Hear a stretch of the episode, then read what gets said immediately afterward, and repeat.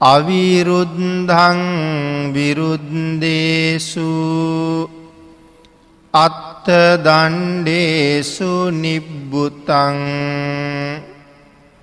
සාධානේසු අනාදානං තමහං භූමි බ්‍රාහ්මනංතිී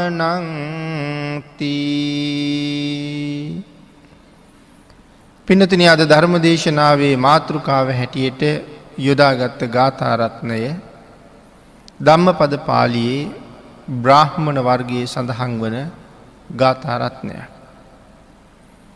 මේ ගාථාරත්නය භාගිතුන් වහස දේශනා කොට වදාලේ ඉතා සුවිශේෂී කාරණාවක් අරමුණු කරගෙන සංකිච්ච පණ්ඩිත සෝපාක සහ රේවත කියන සාමනේරයන් වහන්සේලා මුල් කරගෙන තමයි මේ ගාථාරත්නය දේශනා කරන්නට යෙදනි. අපේ බුදුරජාණන් වහන්සේ සැවත් නුවර ජේතවනාරාම වැඩඉන්න කාලේ. පිනතින එක බැමිනියක් දානයක් පූජා කරන්න කල්පනා කළා. මේ බැමිණි තමන්ගේ ස්වාමියාට මතක් කළා අපේ දානෙට භික්‍ෂූන් වහන්සේලා හතර නමක් වැඩම කරවගෙන එන්න කියලා. හැබැ බැමිණි විශේෂයෙන් සඳහන් කළා වැඩිමහලු භික්‍ෂූන් වහන්සේලා හතර නමක් වැඩම කරවගෙන එන්න කියලා. බමුණ ඒ කාරණාව ගිහිල්ලා භික්‍ෂූන් වහන්සේලාට සඳහන් කරහම බ්‍රාහ්මණයට ලැබුණේ සාමනේර ස්වාමීන් වහන්සේලා හතර නම. ඒ ස්වාමීන් වහන්සේලා හතර නමගේ නං තමයි අපි මුලින් සඳහන් කරන්නට යෙදනේ. සංකිච්ච පණ්ඩිත සෝපාක සහ රේවත කියන සාමනේරයන් වහන්සේලා හතර නම. මේ හතර නමම හත් අවුරුදු අයිසි. එතකොට බැමිණිය සඳහන් කළේ වැඩිමාලු භික්‍ෂූන් වහන්සේලා හතර නමක් වැඩමවාගෙනෙන්ට කියලා. තැන් ඉතාම ලාබාල ස්වාමීන් වහන්සේලා හතර නමක් තමයි ලැබුණේ බ්‍රාහ්මණයට. බ්‍රාහ්මණය උන්වහන්සේලාත් වැඩමවාගෙන තමන්ගේ නිවසට ගියා. බැමිණි මහලොකු ආසන තමයි පනවලා තිබුණේ ලොකු ස්වාමීන් වහන්සේලාට වැඩයින්ට. දැම් මේ පොඩි ස්වාමීන් වහන්සේලා හතර නම දැක්ක ගමන් බැමිණියට දැඩි කෝපයක් ඇති වුණා. බ්‍රාහ්මණයට හොඳටම දොස් කීවා. මංකීවේ වැඩු මහලු ස්වාමීන් වහන්සේලා වැඩමවාගෙන එන්ට කියලා. නමුත් ඔබ ඔබේ මුණුබුරන්ටත් වඩා පුංචි හාමුදුරු ටිකක් තමයි වැඩම කරවගෙන විල්ලතියෙන. අර ලොකු ආසනවල තිවිච්ච සුදුරෙදි එලල තිවිච්චේ වයින් කරලා බොහොම මිටි පුංචි ආසන හතරකට මෙරෙදි එලල ආසන පැනෙව්වා. පොඩි ස්වාමීන් වහසල ඒ ආසනවල වැඩ හිටිය. බැමිණි බ්‍රහ්මණයට තවත් දොස් කියල කිව්වා. ගිහිල්ල වැඩිමාලු ස්වාමීන් වහසේ නමක් තව එක්කෙන්ට කියලා. දැ මේ සිද්ධිය වෙන්නේ උදේ කාලේ. ඒ වෙලාවේ බ්‍රාහ්මණය ආපහු විහාරයට ගිහනකොට මුණ ගැහුණ සැරියුත් මහරහතන් වහන්සේ. උන්වහන්සේට ආරාධනා කලා ස්වාමීණි අපේ ගෙදර දානට වඩින්ට කියලා. සැරියුත් මහරහතන් වහන්සේ තාම පින්ඩ පාති වැඩල තිබුණෙත් නැහැ උන්වහස බ්‍රහ්මණයත් එක ඒ ගෙදරට වැඩම කළා. වැඩම කරලා දොරකඩින් ඇතුල් දෙනකොට දැක්ක පොඩි ස්වාමීන් වහසල වැඩඉන්නවා. රහතන් වහන්සේ සඳහන් කළා ස්වාමීන් වහන්සල හතර නමකටයි දානය සකස් කරලා තියෙන්නේ. හතර නමක් ගෙදර වැඩඉන්නවා මගේ පාත්‍රයා පහු දෙන්න කියලා පාත්තර ඉල්ලගෙන උන්වහස පිටත් වෙලා යන්න ගියා. බැමිණි ඇවිල්ල බලහම රහතන් වහන්සේ වඩිනවා. කාරණාව විමසුව හම බ්‍රාහ්මණය සඳහන් කළා හතර නමකට සකස් කරපු දානේ පස් නමක් වලඳන්ඩ සූදානක් නැති නිසා උන්වහන්සේ වැඩිය කියලා. ආය බැමිණි කියනවා එහෙනම් විහාරයට ගිහිල්ලා ආයෙත් වැඩිමාලු ස්වාමීන් වහස නමක් එක්කෙන්ට කියලා. ඊළඟ සැරයට එක්කරගෙන එන්නේ මුගලන් මහරහතන් වහන්සේ. උන්වහන්සෙත් දැක්කා දොරකඩින් ඇතුල්ලෙනකොටම පොඩි හාමුදුරුවරු වැඩඉන්නවා. හැබැයි දැන් උන්වහන්සේලා බොහොම පීඩාවට පත් වෙලා ඉන්නේ මොකද උදේ වැඩම කරවගෙන ගිය තාම ආහාර ටිකක් ලැබිල නෑ. එහින්ද මේ පොඩි ස්වාමීන් වහසලා පීඩාවට පත් කරන්න එපා උන්වහසලාට දාන පිළිගන්වන්ට කියලා මුගලන් මහරහතන් වහසෙත් වැඩිය. බැමිණි ආපහු වෙනකොට උන්වහස්සෙත් වඩිනවා. බැමිණි සඳහන් කළා මේ මහනුන්ට ආහාරය පා වෙලාවත්ද. එහෙනම් යාග කරන තැනකට ගිහිල්ලා මහලු බමුණෙක් එක්කේට කියලා. හැබැයි දැන් පොඩි රහතන් වහන්සේ ලවුනාට දැන් සෑහෙන්ට කුසගිනි. උන්වහන්සේලාගේ ගුණ තේජසත්. මේ නිවස තුළ උන්වහන්සේල පත්වෙලා තියෙන අපහසුතාවයක් නිසා සක්‍ර දේවේන්ද්‍රයන්ට මේ කරුණ දැනුණා. උන්වහන්සේ ඉතාම මහළු බ්‍රාහ්මණයගේ වෙසක් පවාගෙන අර යාග කරන ස්ථානයට ඇවිල්ල හිටිය. බමුණ ගිහිල්ල කතා කළේ සක් දෙවිඳුටමයි. සක් දෙවිඳුත් අඩගහගෙන බමුණ යනවා ගෙදර. ඈතින් එනවා දකිනකොට බැමිණියට පුදුම සතුටක් ඉතාම වයසක බ්‍රහ්මණය. එනිසා ගොඩාක් සතුටුයි. හැබැ බැමිණි බොහෝම සතුටින් බලාගෙන හිටියා ආසනයකුත් හොඳට පනවලා තිබුණා නමුත් මේ වයසක බ්‍රහ්මණය ඇවිල්ලා ඉස්සරලාම කළේ අර පුංචි හාමුදුරුවන්ට දනගහල වැන්ද. දනගහල වැඳලා පනවලා තිබිච්ච ආසනය වාඩි වුණේ නෑ එතන බිම පලක් බැඳගෙන වාඩි වුණා. බැමිණි ඒක දැකල කියනවා ඔබේ මුණුබුරන්ටත් වඩා පුංචි අයට දනගහල වැඳලා පනවපු ආසනය වාඩිවුණෙත් නැතුව බිමම වාඩි වුණා. ඒ හින්ද මගේ දානටන් ඔබත් හරියන්නේ නෑ. ඒ හින්ද යන්න කියල කිව්වා. බමුණටිකුව වහාම එලියට ගෙන හිල්ල දාන්නට කියලා. බමුණ අතින් අල්ලලා ගෙනහින් දාන්ඩ හැදුව හැදුව එලි එක් යන්ඩ බෑ. බැමිණී දෙන්නම ඇවිල්ල දැන් අර මහලු බමුණගේ අත් දෙකින්ම අල්ලගෙන ඇදගෙන යන්ඩ හදනවා එලියට. ඒත් නැගිටින්නේ නෑ. ඊට පස්සේ පිටටත් ගැහුවා. ඒත් පන්නන්න බෑ. හැබැ පස්සෙ සඳහන් කළා මම සක්‍ර දේවේන්ද්‍රියෝ කියලා. දානය ටික ප්‍රාතන් වහන්සේලාට පූජ කළා. කරන්න දෙයක් නැති නිසා. බැමිණි දන්නෑ මේ කවුද කියලා.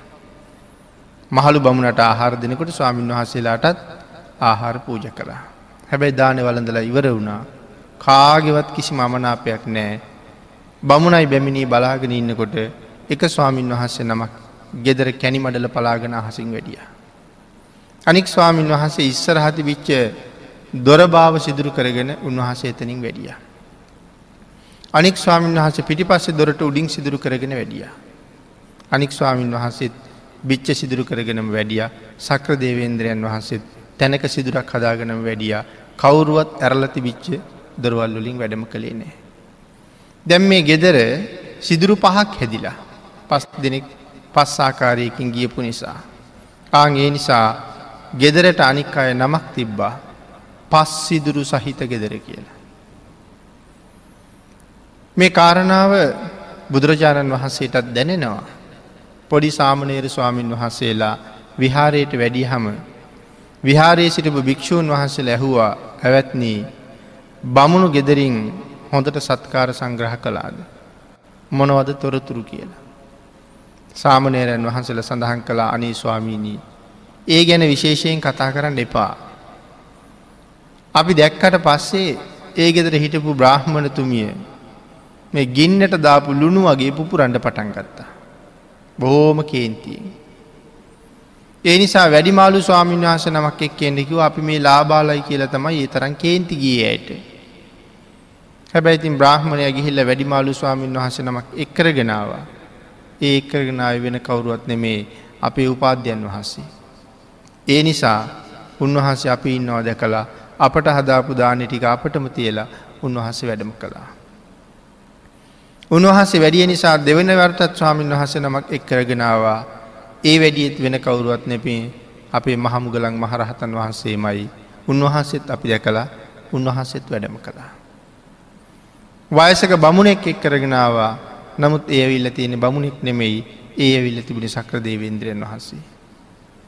අන්තිමට මේ අය අපි බොහොම පීඩාවට පත් කරලා නමුත් අපිට ආහාර පිළිගැන්නවා අපි දාන වලඳලා මේ විදිහට වැඩිය. ඒ වෙලා අර වැඩිමාලු ස්වාමීන් වහන්සේ ලැහුවා ඇවැත්නී ඒ ගෙදරදි ඒ තරං අපහසුතාවයකට ලක්වුණා නං ඔබලාට කේන්තියාව නැද්ද කියලා. මේ පොඩි ස්වාමීන් වහසල සඳහන් කරනවා අනේ ස්වාමීණී අපිට එහෙම කිසිීම කේන්තියක් ආවෙන්නේ. දාන පිළිගන්වනකං වෙන දේවල් දිහා බලාගෙන අපි වැඩ හිටිය. ඒ වෙලාවේ අර ස්වාමීන් වහන්සල සඳහන් කළා මේ ඇත්තෝ රහත් වෙලා නැතුවම රහතන් වහන්සේලා වගේ පෙනී හිටින්ට හදනවා. මෙච්චර දේවල් වෙලත් කේන්ති ගිය නෑ කියල කියනවා. මේ කතාව ටික ටික ටික ටික පැතිරිලා ගිහිල්ලා බුදුරජාණන් වහන්සේ ළඟට ගියා. අපේ බුදුරජාණන් වහන්සේ ආං ඒ වෙලාවි තමයි අපි අර ධර්ම මාතෘකාව කරගත්ත ගාථරත්නය දේශනා කොට වදාලේ. අවිරුද්ධං විරුද්ධේසු අත්ත දණ්ඩේසු නිබ්බුතන් සදානේසු අනාදානං තමහං භූමි බ්‍රහ්මණ බුදුරජාණන් වහස සඳහන් කරනවා විරුද්ධ වූවන් අතුරෙහි විරුද්ධ නොවූද ගන්නා ලද දඩු ඇත්තවුන් අතරෙහි නිවී ගියා වූද ගැනුම් සහිතයන් අතරෙහි ගැනුම් නැත්තා වූද ඔහුට මම කියනවා බ්‍රහ්මණය කියලා. තමහං භූමි බ්‍රහ්මණ. විරද්ධ වූ අය අතර විරුද්ධ නැතුව ජීවත්වෙනවා. දඩුමුගුරු ගත්ත උන් අතර දඩුමුගුරු ගන්නේ නැතුව ජීවත්වෙනවා. නොයෙක් ආකාරයෙන් කරදරකම් කටලුවලට තමන් පාත්‍ර කරන උන් අතර ඔවුන්ට දේශ කරන්න නැතුව ජීවත්වෙනවා. අංගයට මම කියනවා බ්‍රහ්මණ කියලා. එතකොට මේ පොඩි හාමුදුරුවරු හතර නම. නමුත් මේ ස්වාමීන් වහන්සේලා මේ පෙනුමෙන් විතරයි පොඩි. අපිට පොඩි කියන වචන පාවිච්චි කරන්න ඉඩ නැති තරම්. වයසින් ඉතාම පොඩි. හත් අවුරුදු අයසේ. නමුත් මේ අයගේ ස්වභාවය මොනවාගේ අයද. කොයිවාගේ බලපරාක්‍රමයන් තියෙන අයද. කොයි තරං ඉරදීන් තියෙන අයද. මොන තරං හැකියාවන් ඇති අයද. කියන කාරණාව අපේ භාගිතුන් වහන්සේ වෙන වෙනම කරුණු පැහැදිලි කරලා දේශනා කරනවා. තාම තාම සාමනේරයි. සෝපාක මහරහතන් වහන්සේ. භාගිතුන් වහන්සේම තමයි උපසම්පදව දුන්නේ දායජ්‍ය උපසම්පදාව. ඒවාගේ උපසම්පදාවල් ලැබිච්ච සාමනේරයන් වහන්සේලා දෙන්නෙක් අපේ ශාසනය සඳහන් කරනවා. එක්කෙනෙක් සුමන සාමනේර. ඒ කියන්නේ අනුරුද්ධ මහරහතන් වහන්සේගේ ශිෂ්‍යරත්නය. මේ සුමන සාමනේර කෙල කියන්නේ මිහිදු මහරහතන් වහන්සේත් එක වැඩිය සාමනේරයන් වහස ගැන නෙමේ. අනුරුද්ධ මහරහතන් වහන්සේගේ ශිෂ්‍ය වූ සාමනේරයන් වහන්සේ. අනිත් එක්කෙන සෝපාක රහතන් වහන්සේ. භාගිතුන් වහන්සේගේම උපසම්පදාව ලැබුවේ හත් අවුරුදු අයසමයි. සෝපාක පොඩි හාමුදුරුවන්ගෙන් අපේ බුදුරජාණන් වහන්සේ ප්‍රශ්න දහයක් ඇහුවා. ඒ ප්‍රශ්න දහයට උන්වහස පිළිතුරු සැපිව්වා. ඒ පිළිතුරු සපේලා ඉවර වෙනකොට භාගිතුන් වහන්සේ උන්වහන්සේගේ උපසම්පදාවත් එයම කියලා දේශනා කොට වදාලා. හැබැයි අදනං කොයි තරං ඉගෙන ගත්ත කෙනෙක්ගෙන් ඇහුවත් ඒ ප්‍රශ්නවලට පහසු වෙන්න උත්තර දෙන්න උත්තර දෙන්න බෑ. බුදුරජාණන් වහන්සේ ඇහුවේ පුතේ එකක් නම් මොකක්ද කියලා. ඒක නාමකින්. ඔය ප්‍රශ්නය අපෙන් ඇහුවනං අපිට මේ කාරණාව පිළිබඳව මොන තරන් හිතන්ඩ වෙයිද. කී දෙනෙකුගෙන් අහන්ඩ වෙයිද මේ එකක් නම් මොකක්ද කියලා හනුව මොකක්දේකි තේරුම කියලා. එමනට සෝපාකයන් වහන්සේ අහපු නිමේශයෙන් භාග්‍යතුන් වහන්සේට ඊළඟට උත්තරේ සපයනවා සබ්බේ සත්තා ආහාරට්ටිතිකා. මේ ලෝකෙ තියෙන පළවෙනිදේ සියලුම සත්වයන්ට ආහාර අවශ්‍යයි. ඒක නාමකින් කියලහපු හම සබ්බේ සත්තා ආහාරට්ටිතිකා. දවේනාමකින් දෙකක් නම් මොකක්ද. නාමංච රූපංච. තීනි නාමකින් තුනක් නම් මොකක්ද තිස්සෝ වේදෙනා. මේ ආදි වශයෙන් ප්‍රශ්න දහයක් අහනෝ. ප්‍රශ්න දහයටම අහන සැනින් උත්තර ලැබෙන. ආගේ නිසා භාගිතුන් වහන්සේ ඒ ක්‍රමයෙන්ම උන්වහස උප සම්පදා කළා. සුමන සාමනේරයන් වහන්සේ. උන්වහන්සේත් බොහෝම පුංචි තාම අවුරුදු හතයි වයස. අනුරුද්ධ මහරහතන් වහන්සේත් එක්ක බුදුරජාණන් වහන්සේ වැදගණ්ඩෙන වෙලාවේ එදා භාගිතුන් වහස වැඩ හිටියේ ජේතවනාරාමිනිමෙයි ඒ ළඟම තිබුණ පූරුවරාමේ එදා වැඩ හිටිය පූරුවරාම විහාරය. හැබැයිතින් විහාරයට ඇතුල් වෙනකොටම අනික් ලොකු හාමුදුරුවරු ගිහිල්ලා බොහෝම හුරතල් විදිහට පුංචි හාමුදුරන්ගේ ඔළු අත ගෑව බඩ අත ගෑව අත මිරිකුවා බඩගින්න රෑට නින්ද යනවද ශාසනය පිළිබඳව කලකිරුණේ නැද්ද ඒවාගේ බොහෝ දේවල් ඇහුවා. බුදුරජාණන් වහන්සේ කල්පනා කලා මේ මහනු නැසෙන්ඩ හදන හැටි. ඇ අඳුරන්න මේ කවුද කියලා. ඒ කාරණාව මේ අයට ඔප්පු කරලා දෙන්න ඕනෑ නිකම්ම කියනවට වඩා එක පැහැදිලි කරන්න ඕන හොඳට දැනෙන විදියට. ආං එදා භාගිතුන් වහන්සේ ආනන්ද ස්වාමීන් වහන්සට සඳහන් කළ ආනන්ද මට අනවතප්ත විලෙන් පැන්ගෙනල්ලා සිරිපාදෝවනය කරගණ්ඩ ඕන කියලා. ආනන්ද ස්වාමීන් වහස විහාර ඉන්න සාමනේර ස්වාමීන් වහන්සේලා පන්සිය නමක් රැස්කරෝල කිව්වා. කාටද පුළුහන් භාග්‍යතුන් වහන්සේට අනවතප්ත විලින් පැන්ගෙනල්ල දෙෙන්ට. රහත් නොවිච්ච සාමනේර ස්වාමීන් වහන්සේලාට එක කොහොමොත් කරන්න බෑ. රහත් වෙච්ච අනිත් සාමනේර ස්වාමීන් වහන්සේලා එකට කතා කළේ කතා කළේ නෑ. ඒ වෙලා ආනන්ද ස්වාමීන් වහන්සේ ඇහුවා. මෙතන රහත් එච්ච සාමනේරවරු කවුරුවත් නැද්ද කියලා. ඒ වෙලාව සඳහන් කළා ඉන්නවා ස්වාමීන්. ඒනම් ඇයි මේ ආරාධනාව භාරගන්න නැත්ත. භාගිතුන් වහසගේ ඉල්ලීම ක්‍රියාත්මක කරන්න ඇත්ත. ඒ රහත් වෙච්ච සාමනේර ස්වාමීන් වහන්සේල සඳහන් කළා ස්වාමීණි ආනන්දයන් වහන්ස භාගිතුන් වහන්සේ ඔය ලෑස්තිවෙන්නේ අපි ලව්ව පැන්ගෙන්න්නට නෙමෙයි සුමන සාමනේරයන් ලව්ව පැන්ගෙන්න්නටයි. දෙහින්ද උන්වහන්සේගේ අවස්ථාව උන්වහසටම තිබුණාව. සුමන සාමනේරයන් වහන්සේ වෙලාවේ භාගිතුන් වහන්සේගේ ඉල්ලීම භාරාරගෙන සඳහන් කරනවා කලගෙඩි හැටක පමණ ජලය අල්ලන විශාල කලයක්. විශාකා මහුපාසිකාව පූජා කරලා තින තනිකර ගණරත්තරන් ඔබ්බෝල පූජා කරපු කලගී. ආංගේ කලේ අරගෙන කටින් එල්ලගෙන අනෝතප්ත විලගාවට ගිහිල්ලා පැන් අර්ගෙන එන්ඩ ලාස්ති වෙනකොට එතන ඉන්න පන්තක නාගරාජය ස්වාමීණී. මංවාගේ සේවකයෙක් මෙතන ඉන්නකොට ඔබහන්සේ ඇයි පැන්ගෙනියන්ඩාවී. පැන් කලේ මට දෙන්න කියලා අරගෙන කරීතියා ගණඩ ලෑස්ති වෙනකොට නෑ නාගරාජය භාගිතුන් වහස බලාපොරොත්තුවෙන මං පැන් අරංගයි කියලා. මටම දෙන්න කියලා කලේ ඔසවාගෙන අහසිම්ම වඩිනකොට බුදුරජාණන් වහස පෙන්නලා සඳහන් කරනවා හංස පැටවිකු වගේ. සාමනේරයන් පැන් අරගෙන හැටි බලන්න කියලා. ළඟට ඇවිල්ලා පැන් කලේ බිම තියලා බුදුරජාණන් වහසට වැඳල ඉල්ලීමක් කලා ස්වාමීනී මේ අනෝතප්ත විලි පැන් මේ පැනිින් සිරිපාදෝවනය කරගන්න කියලා. ආං ඒ වෙලා අපේ බුදුරජාණන් වහන්සේ සුමන ඔබේ උප සම්පදාවත් මේත් එක්කම ලැබෙනවා වස්කී යෙද කිය ලැහුව ස්වාමිනි වස් හතයි කිව්වා. එනම් සුමන ඔබට උප සම්පදාවත් මේත් එක්කමම ප්‍රධානය කරනවා. එනම් මේ භාගිතුන් වහන්සේගෙන් ශ්‍රේෂ්ඨ උපසම්පදාව ලබාපු අය.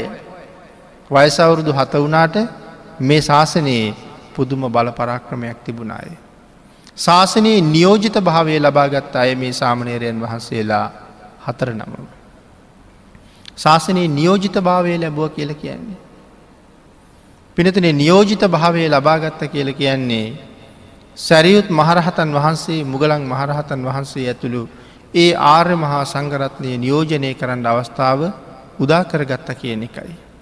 උන්වහන්සේලා වෙනුවෙන් ශාසනයට ලැබෙන දේවල් පිළිගණ්ඩ පරිහරණය කරන්න සුදුසුකම ලැබුව කියන එකයි.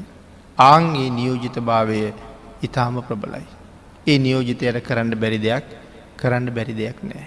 එහෙමනං වයසින් සහ පෙනුමෙන් පුංචි වුණාට උන්වහන්සේලා ගුණෙන් සහ බලයෙන් පුංචි අය පුංචි අය නෙමෙයි සම්මා සම්බුද්ධ ශාසනයේ හැබෑම නියෝජිතය. නමුත් ඒ කාරණාව අර බැමිණිට තේරුණේ නෑ.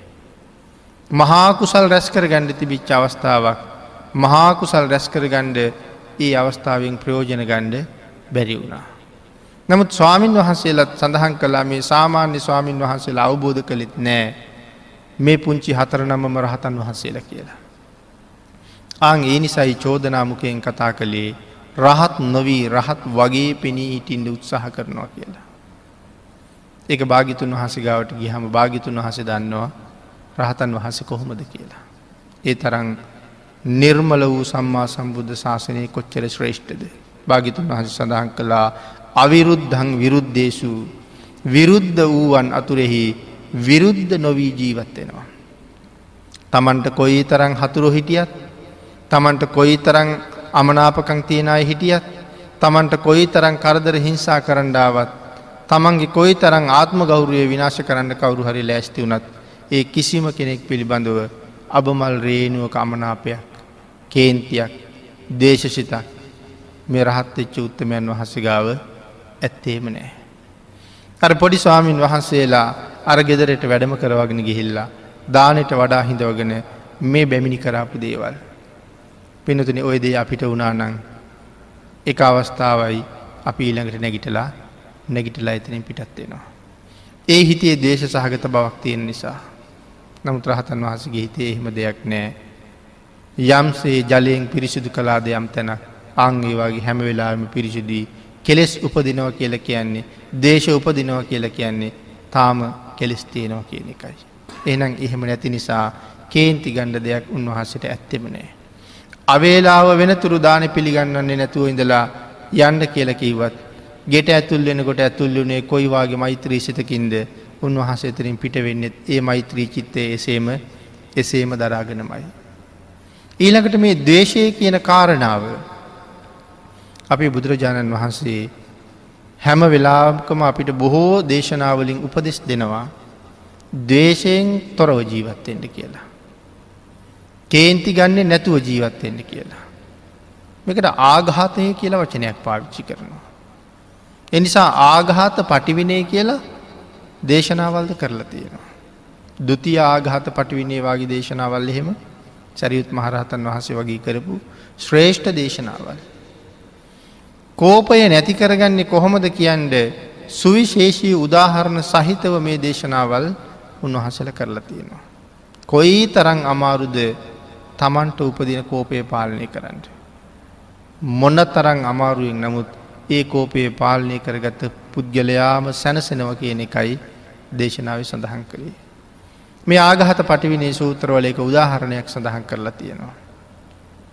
දීර්ඝ මාර්ගයක එක පුද්ගලයෙක් යනවා. හැබැයි ඒ පුද්ගලයා ඉස්සරහ බැලුවත් හරි දුරයි පිටිපස්ස බැලුවත් වෙන පේන පහසුකං සහිත තැනක් නෑ මෙයාට හරීම පිපාසයි. ඒ පිපාසේ තරම කියල කීවොත් දැන් ගිලගණ්ඩ තමන්ගේ කටේ කෙලවත් නැති තර. දැන් දිවගිලෙයි දිවගිලෙයි කියන තරමටම පිපාසයි. නමුත් මෙයාට ඇවිදිගෙන යනකොට හම්බ වෙනවා මේ ගවය ඇවිදගෙන ගියපු කුරවලවල්. ගවය ඇවිද්ධහම ගවයගේ කුරට පොළොව කැඩිල්ල චූටි චූටි වලවල් හැදෙනවා. ඒවට කියන්නේ කුරවලවල් කියලා. පොද වැස්සක් ගිහිල්ලා මේ කුරවලවල් වල වතුර ටික ටික තියෙනවා. බොහෝම ස්වල්පයයි. තැන් ඊළඟට සඳහන් කරනවා දැන් අර පුද්ගලයක් දිව ගිලෙන ස්වභාවයෙන් ඉන්නේ. දැන් එයාට මේ කුරවලේ තියෙන වතුර ටික පාලනය කරන්න පහසුද. පුළුහන්ද බෑ. තාම අපහසු ඒක පානය කරන්න බැරිම තරන්න. නමුත් මෙයාට තියෙන දැන් වේදනාවත් එක්ක මොන ආකාරයකින් හරි මෙතන දන ගහලා කොන්ද නමලා ඔළුව පාත් කරලා යන්තන් තමන්ගේ දිව හරි එලියට දාලා අර වතුර ටිකක් යන්තන් දිව අගවත් තෙමාගණ්ඩ ලැබුණොත් මෙයා ඉන්න තත්ත්ය හැටියට මෙයාට ලැබෙන ලොකු ලොකු සහනයක්. හැබැයි ඒක යායට බොහොම පහසුවෙන් කරන්න පුළුහන්ද. ඉතාම අපහසුවෙන් නමුත් ඒ අවස්ථාව උදාකරගත්තොත් එයාට කොයි තරං සහනයක් ලැබෙනවද. එහෙමනම් කුරවලවල් කීයක් ගාවට මෙයා දනගගා දනගගා දනගගා යන්ඩ වෙයිද මේ මනුස්ස දිව තෙමාගෙන චුට්ටක් උගුර තෙමාගන්නට. හැබැයි ඒ මොන අපහසුතාවයට පත් වනත් ඉන්න තත්ත්ව හැටියට ඒ වැඩේ කරගත්තුත් දැනෙන්නේ ලොකු සහනය. ආං ඒ වගේ තමයි සමහර කරුණුවලද අපි කියනවා ඉවසලා ඉවසලා ඉවසලා බැරිම තැනමං ඒ පුද්ගලයට බැන්න. ඉවසලා ඉවසලා ඉවසලා බැරිම තැනමං ඔහුට ගැහුවා. එහෙමනම් භාගිතුන් වහසේ එහෙම අනුමත කරන්නේ නෑ ඉවසලා ඉවසලා බැරිම තැන තවත් ඉවසන්ඩ පුළුවන් වෙච්ච කෙන තමයි ශ්‍රේෂ්ඨ පුද්ගලය. මොකද මේ දවේශය කේන්තිය ඒ තරමටම අපේ සංසාර ගමන අඳුරු කරන නිසා. අපි තුළම තමයි උපදින්නේ ඒ ඉපදිලා අපිවම විනාශ කරලා දානවා. එනිසා මේක පාලනය කරගන්නට හැම වෙලාම භාගිතුන් වහස උපදෙස් දෙනවා. හේතුව පින්නතුනි හරි වටිනවා ඒ දවේශය පාලනය කරගන්න එක. ඒක සාමාන්‍ය ජීවිතයටත් වටින ප්‍රමාණය මෙච්චරයි කියලා ඉවර කරන්න බැරි තරන්න අපේ මරණ මංචකයටත් ආං ඒ ඉවසීම ඒ තරමටම එත් තරමටම පිහිට වෙනවා. ඇයි මැරෙන වෙලාවටත් අපිට කේන්තියෙනවා. දැඩි දේශයකින් මරණයට පත් වනොත් කොහොම උපදින්න වෙනවාද. සඳහන් කරනවා නයෙක් වෙලා ඉප දෙන්න පුළුවන් කියලා. පොළඟෙක් වෙලා ඉප දෙන්න පුළුවන් කියලා. විස සහිත සත්තු ඉන්නේ නයි පොළොංගු මාබිල්ලු දියමකුළු ගෝනුස්සු මේ වගේ තාම විස සහිත සත්තු වෙලා ඉප දෙන්න තියෙන ඉඩකඩ ඉතාම ඉහලයි දේශ සහිතව මරණයට පත්වනු. යකෙක් වෙලා ඉප දෙන්න තියෙන අවස්ථාවත් ඉතාම ඉහලයි නිරේ ඉප දෙන්න තියෙන අවස්ථාවත් බොහෝම ඉහලින් තියෙනවා දේශ සහිතව මරණයට පත්වෙන එක. දැන් අපිට ඇතිවෙන මේ සුළු සොලු දේශයන් පාලනය කරගණ්ඩ අපි කටයුතු කරගත්තේ නැත්තං එක මරණ මංචක ඉදුවත් පාලනය වෙන්නේ වෙන්නේ නෑ. කෙනෙක් කියන්න පුළුහන් නෑ මං එදාට ඉවසන්නම් කියලා. එහෙම කීවට ඉවසන්ඩ බෑපුරුදු කරලා නැතුව. ආං ඒ නිසා මේ දේශයට ප්‍රතිවිරුද්ධෝ භාගිතුන් වහස දේශනා කළා මෛත්‍රිය කියල ධර්මතාවයක්. පිනතුන මරණ වෙලාවට දැඩි වේදනාවක් ඇතිවෙන බවනි ධර්මය සඳහන් කරලා තියන්නේ. ඒක අපිට පුරුදු වේදනාවක් නෙමෙයි. උනක් හැදුනහම ඇගේ ඇතිවෙන කැක්කුම් වේදනාව අපිට පුරුදුයිමකද ජීවිතය කී පවතාවක් හරි අපිට උන හැදිල තියෙන නිසා. හිසේ රදයක් හැදුනහම ඇතිවෙන වේදනාව හන්දිපත් රුදාවක් හැදුනහම ඇතිවෙන වේදනාව අපිට පුරුදුයි මොකද කීප කීප සැරයක් ඒක හැදිල තියෙන නිසා. හැබැයි මේ මරණ වේදනාව කියන එක කීප සැරයක් අපිට හැදිල නෑ එක පාරයි ජීවිතය එළමෙන්නේ ඒක අලුත්ම වේදනාවක් කවදාවත් අපි ඒ අත්විදලා අත්විදල නැති වේදනාවක්. ආං එහෙනම් ඒක පාලනය කරගණ්ඩ අපිට හරි අමාරුයි. නෑ මට ඒක පාලනය කරන්න පුළුවන් කියලා හිතනවන යම් කෙනෙක් අපේ අයි කල්පනා කළ බලන්නකු බඩේ කැක්කුමක් හැදුන හම අපට කේන්තියන්නේ නැද්ද කියලා. ඔළුව කැක්කුමක් හැදුන හම අපට කේන්තියන්න ඇද්ද කවරු හරි ගෙදරයි ටිකක් හයියෙන් කතා කිරුවොත් ඒත් කේන්තියනවා. එතකොට එහෙනම් අර මරණ මංචික ඇතිවෙන වේදනාවදී අපිට කේන්තිය පාලනය කරගන්න පුළුවන් වෙයිද. ආංගේ දේශසිත පාලනය කරන්නයි මේ උපදෙස් දෙන්නේ හැම වෙලාම දේශයට ප්‍රතිවිරුද්ධ වූ මෛත්‍රියම මෛත්‍රියම ජීවිතයට එකතු කර ගණ්ඩ ඕන කියලා. අප ඒක ස්වාමීන් වහන්සේ නමක් හිටියා. අපේ ශාසනයම මේ ස්වාමීන් වහන්සේට බඩේ අමාරුවක් හැදුනා. හැබැ මේ කාරණාව අපේ රටේම සිද්ධිය. මේ ස්වාමීන් වහන්සේ ටිකක් වයසක ස්වාමීන් වහන්සේ නම සාමනේර ස්වාමීන් වහන්සේලට ගිහිල්ලකි වායස්මතුනි මට ඉවසන්ඩ බැරි තරම් බඩේ කෙක්කුමක් තියෙනවා. ස්වාමීනී ඉවසන්ඩ. ඒක තමයි ගිහියයි පැවිද්දයි අතර තියෙන වෙනස. ගිහියට වේදනාවක් එදිච්ච හම කෑගහනවා ස්වාමීණී. පැවිද්ද අය වේදනාව විවසනවා ස්වාමි නිවසන්න කිවා. මේ ස්වාමීන් වහන්සේ වේදනාව මොන තරං ඉවසවාද බඩ පිපිල පිපිල පිපිල වේදනා දීල දීල දීල අන්තිමට බඩ පුපුරලා බඩවැල් එලියටාව. බඩවැල් එලියටාවට පස්සේ අර සාමනේරවරුන්ට කතා කරලා හනවා ආයුෂ්මතුන්ලා මම දැන් ඉවසවා ඇද්ද කියලා. උන්වහන්සේ වේදනාවම මෙනෙහි කරලා අර්හත්තයට පත් වනා. එහෙමනම් ඒ ඉවසීම ප්‍රගුණ කරන්න පුළුවන් වෙයිද සාමාන්‍ය කෙනෙකුට. එහෙනම් ඒක සෑහෙන කාලයක් පුරුදු කරලා තියෙන්ට ඕනෑ ගාථාරත්නය සඳහන් කළා අත්ත දණ්ඩේසු නිබ්බුතන් කියලා. දේශ කරන උන් අතරේ දේශ නොකර ජීවත්වෙනවා දඩුමුගුරු ගත්ත උන් අතර දඩුමුගුරු නොගෙන ජීවත්වෙනවා එහන දඩුමුගුරු ගත්ත උන් අතරේ අපිත් දඩුමුගුරු ගන්නෙත් ඒත් දවේශය නිසාමනි ඒ කාරණාවමයි ඒ නිසා මේ විදිහට සාකච්ඡා කළේ. ධර්ම දේශනාව සඳහා වෙංගුණ කාලයේ නිමා වෙලත් තියෙන නිසා අපි ධර්ම දේශනාව ඉවර කරන්න සූදානන් වෙමු.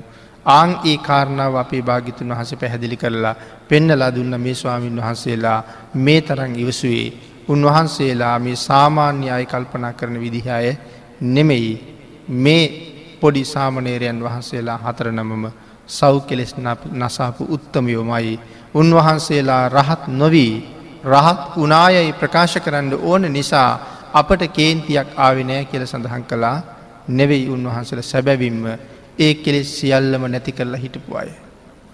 කාගේ නිසා සඳහන් කරනවා රූපවේදනා සංඥා සංකාර විඤ්ඥාන යන ඉස්කන්ද පංචකය මමය මට අයත්‍ය කියන හැඟීමක් උන්වහසල ගාව නෑ මම කියන හැඟීම උන්වහසල ළඟ නැතුවමයි උන්වහසල මේ ජීවත්වෙන්නේ.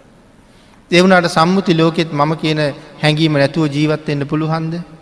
එහෙම ජීවත්වෙන්න බෑ භාගිතුන් වහසගේ ධර්මය හරියටම තේරුම් ගණ්ඩෝ නෑ මොකද අපේ බුදුරජාණන් වහන්සේත් මම කියන වචනය පාවිච්චි කළා. එනම් සම්මුතිය සම්මුතිය හැටියටම ගණ්ඩෝනෑ පරමාර්ථය පරමාර්ථය හැටියටම ගණ්ඩෝනෑ සම්මුතියයි පරමාර්ථයයි පටලෝගත්තොත් මේ ධර්මය අපිට වරදින්න පටන් ගන්නවා. භාගිතුන් වහසේ පරමාර්ථ වශයෙන් දේශනා කරපු ධර්මය අපි පරමාර්ථ වශයෙන්ම වෙනම ඉගෙන ගණ්ඩෝනේ.